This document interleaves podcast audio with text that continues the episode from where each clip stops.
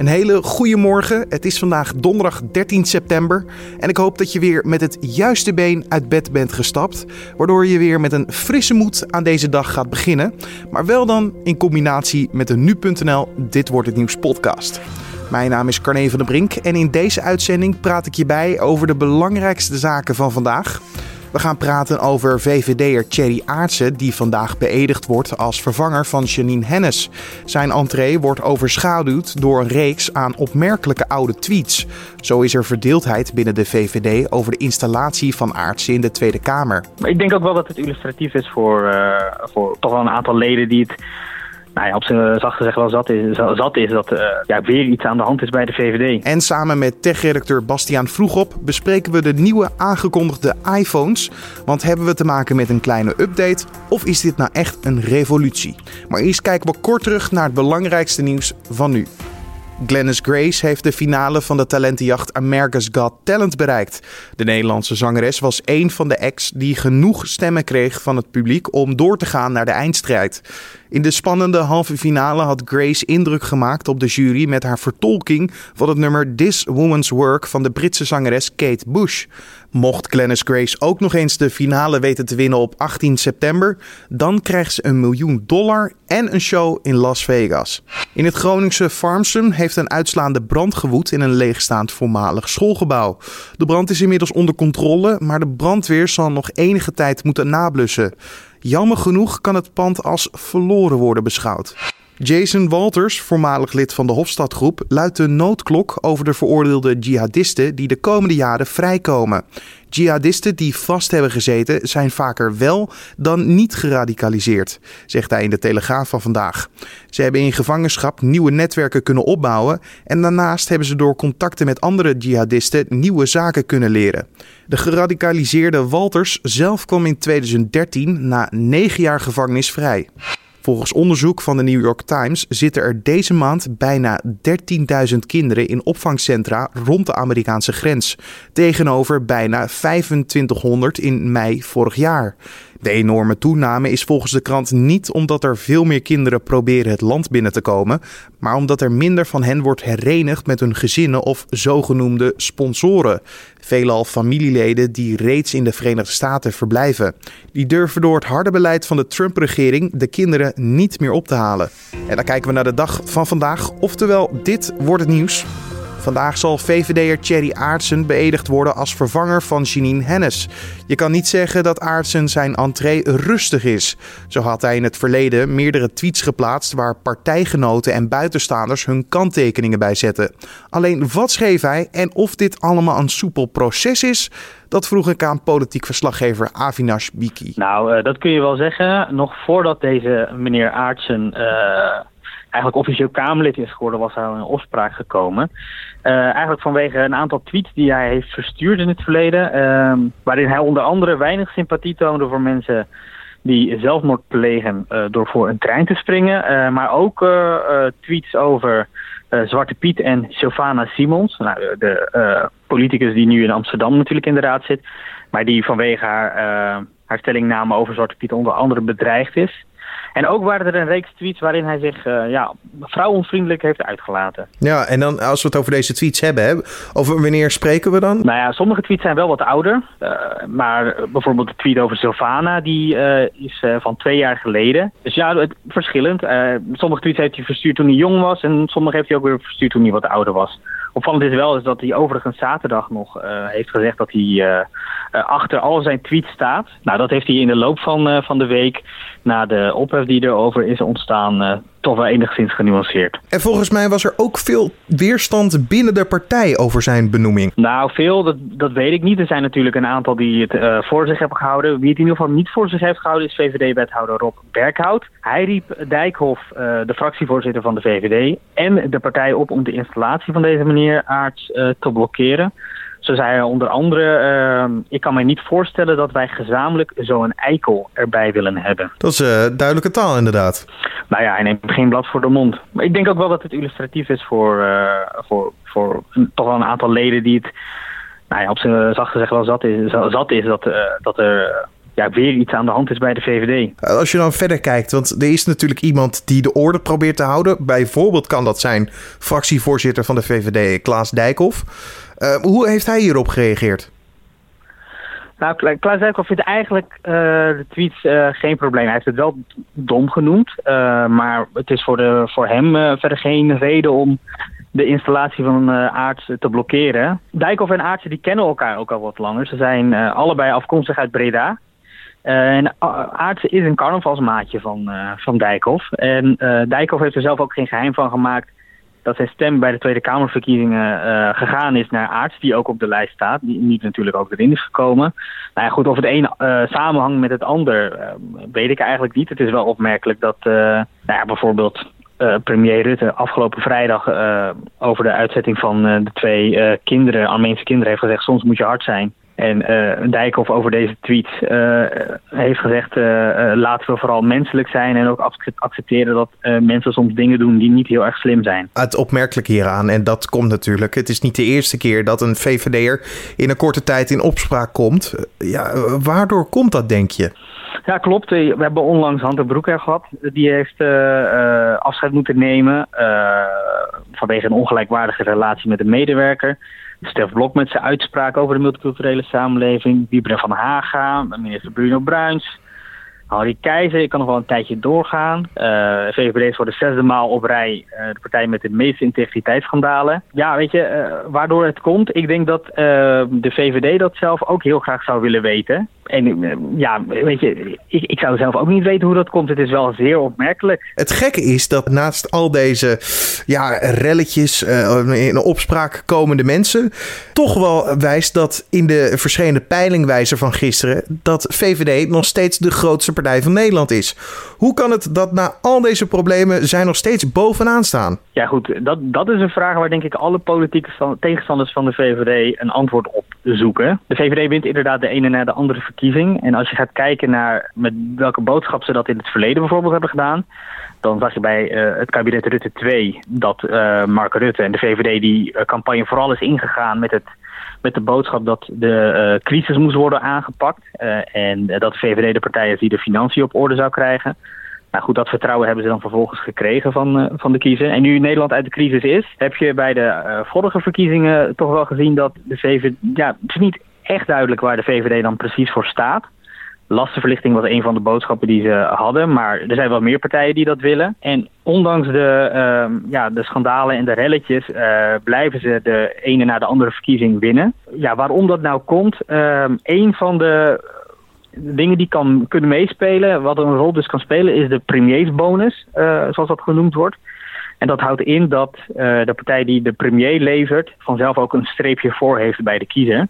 Uh, als we even naar het verleden kijken, dan zie je het CDA van Lubbers in 1986, uh, P van de A uh, van Kok in 1998 en Balken en de CDA in 2003. Um, die kregen dus die premiersbonus achtereenvolgend bij die verkiezingen. Rutte heeft die dus ook gekregen in 2012. Maar goed, de VVD moet wel gaan oppassen dat deze premierbonus natuurlijk eindig is. En dat zag je dus ook bij Lubbers, bij Kok en bij Balkenende ehm, uh, terugkomen. Uh, Lubbers die het CDA uh, in 1994 achterliet en toen kukelde ze naar beneden. Kok in 2002.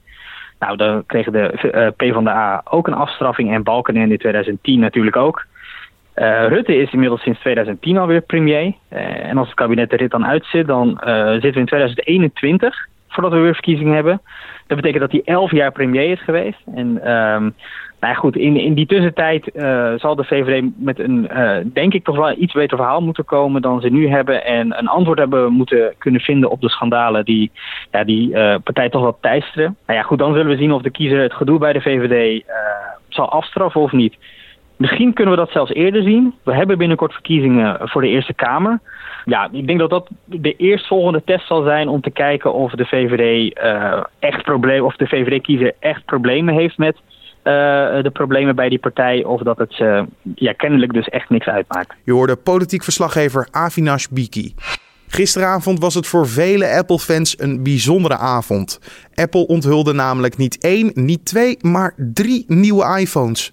Alleen hebben we het over kwaliteit boven kwantiteit, of juist andersom. Voor nu.nl is techredacteur Bastiaan Vroegop in Californië. Hij was bij het event en daarnaast kon hij ook nog eens keer de iPhones testen. Wat was zijn hoogtepunt of juist zijn hoogtepunten? Nou, de, dat is eigenlijk drieledig. Het waren natuurlijk de drie nieuwe iPhones die ze hebben laten zien. Dat waren de iPhone 10s en de iPhone 10s Max. Dat zijn zeg maar de opvolgers van de iPhone 10 die vorig jaar zijn uitgekomen. Dan heb je de 10s Max, die heeft een nog groter scherm. En daarnaast, en dat is misschien niet de meest sexy telefoon, maar ik denk wel de belangrijkste van de drie, dat is de iPhone 10R. Die lijkt een beetje op de iPhone 10s en de iPhone 10, maar is weer net wat goedkoper. Maar als ik dit allemaal hoor, hè, XS, XS Max, XR, gaat Apple zich focussen op kledingmaten of zit hier ook een logica achter? Ja, nou het is, uh, het is grappig dat je XS ook uh, zegt bijvoorbeeld. Want als je het Apple vraagt, staat de X eigenlijk voor de Romeinse 10 en heet hij dus de 10S. Maar ja, ik, een beetje al mijn vrienden die ik het afgelopen jaar sprak, die zeiden ook allemaal iPhone X in plaats van iPhone 10. En inderdaad, met zo'n S erbij klinkt het een beetje extra smal. En dan heb je dan weer de extra small Max.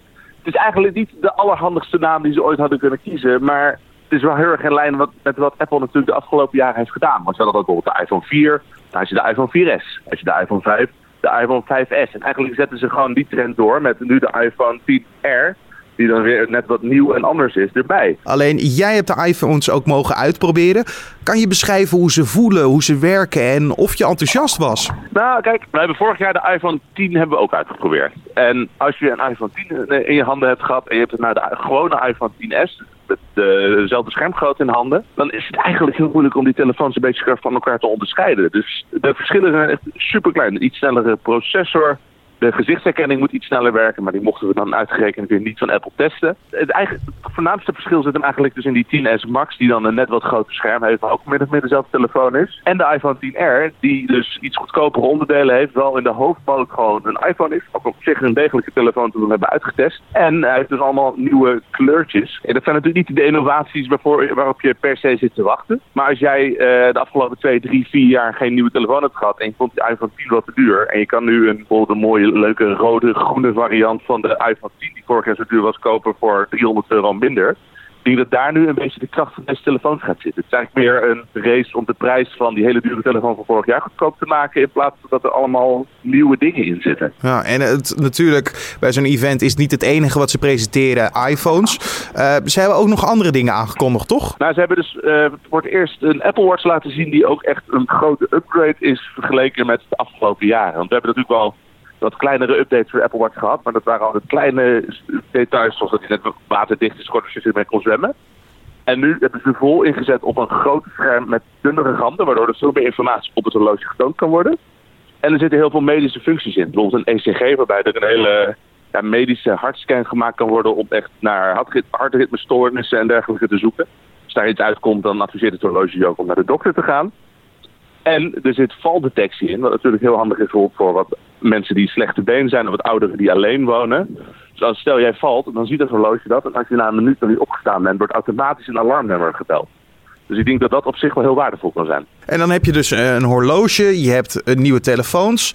Was dat een beetje of nog kleine updates? Ja, hele kleine updates in de zin dat ze uh, hebben aangekondigd wanneer er software updates uitkomen. Maar dat is niet heel erg noemenswaardig. En we hadden een beetje gehoopt op, op zijn minst een nieuwe MacBook. Daar waren geruchten al langer over aan het rondgaan. En een update voor de iPad Pro. Maar daar hebben we niks over gehoord. En ik vermoed dat ze dat voor oktober gaan bewaren. En omdat dat dan een juist moment is? Of heeft het een andere reden, denk je? Nou, het is een beetje... Apple is een bedrijf dat heel erg traditiegetrouw is. Dus iedere, iedere september komt er een iPhone uit in juni hebben ze altijd een groot evenement waarop ze de nieuwe versie van iOS en zo aankondigen. De software op je iPhone.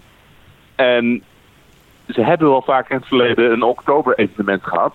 De geruchten leken erop te wijzen dat die iPad en die Mac in dit september-evenement zouden zitten. Het zou wel heel druk zijn geweest eigenlijk ook. Maar nu ze niet zijn aangekondigd, zou je dus denken van... oh, ze gaan het oktober-evenement dit jaar gewoon weer herhalen. Maar dat moet natuurlijk allemaal weer blijken. Daar krijg je dan uiteindelijk weer de uitnodiging voor... en dan ga je weer naar Amerika afreizen.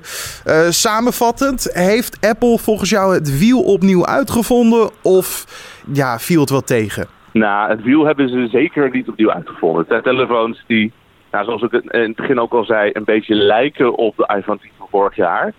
En nou, kijk, als je een iPhone 10 hebt gekocht, hoef je natuurlijk de 10S of de 10R niet te kopen. Maar dat is eigenlijk ieder jaar wel het, geval geweest bij Apple. En het is vooral een belangrijke update voor mensen die misschien de iPhone 10 wat te duur vonden. die nu eindelijk wat makkelijker kunnen instappen. Daarbij moet ik trouwens wel zeggen dat al die iPhone 10 functies zijn in de iPhone 10R misschien goedkoper.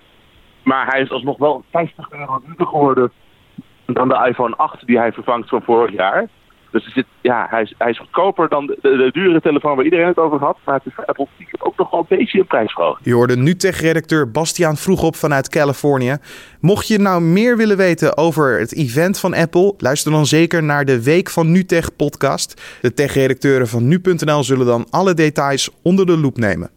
Florence, de orkaan die met hoge snelheid afkoerst op de oostkust van de Verenigde Staten, werd woensdag afgewaardeerd na een storm van de derde categorie. Desalniettemin verwachten Amerikaanse weerdiensten dat de storm enorme schade aan zal richten als hij aan land komt. Wat naar verwachting zal gebeuren in de staten North Carolina en South Carolina. Daar is, net als in andere staten, de noodtoestand uitgeroepen.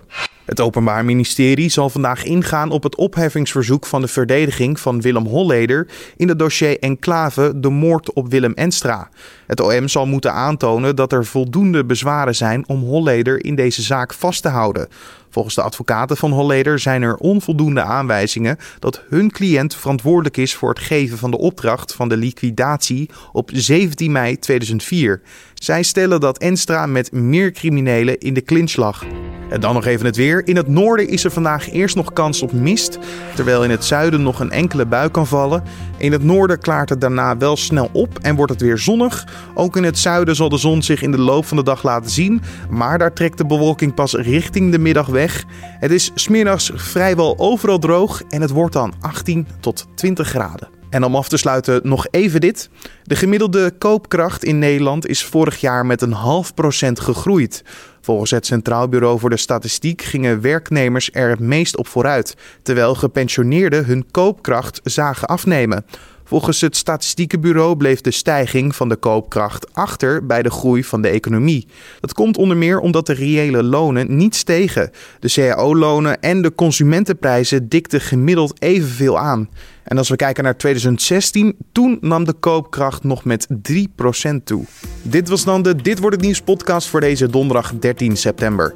Je vindt deze Dit wordt het nieuws podcast natuurlijk elke ochtend om 6 uur ochtends op de voorpagina van nu.nl of in je desbetreffende podcast app. En download ook vooral zo'n podcast app, want dan kan je je abonneren op deze podcast, op de Dit wordt het nieuws podcast. En zo mis je vanaf dat moment geen enkele uitzending meer. Het is gratis, dus doe dat vooral. Dat kan bijvoorbeeld via Spotify, via iTunes of een Google Podcast app. Zo heb je die van Google, maar ook Pocketcast of Podcast Addict. Download vooral die apps, ze zijn gratis en dan kan je je abonneren op de nu.nl Dit wordt het nieuws podcast. Laat ons weten ook wat je van deze podcast vindt. Dat kan via mailtje naar redactie.nu.nl of een recensie in iTunes. Mijn naam is Carne van der Brink en ik wens je voor nu een mooie donderdag en tot morgen.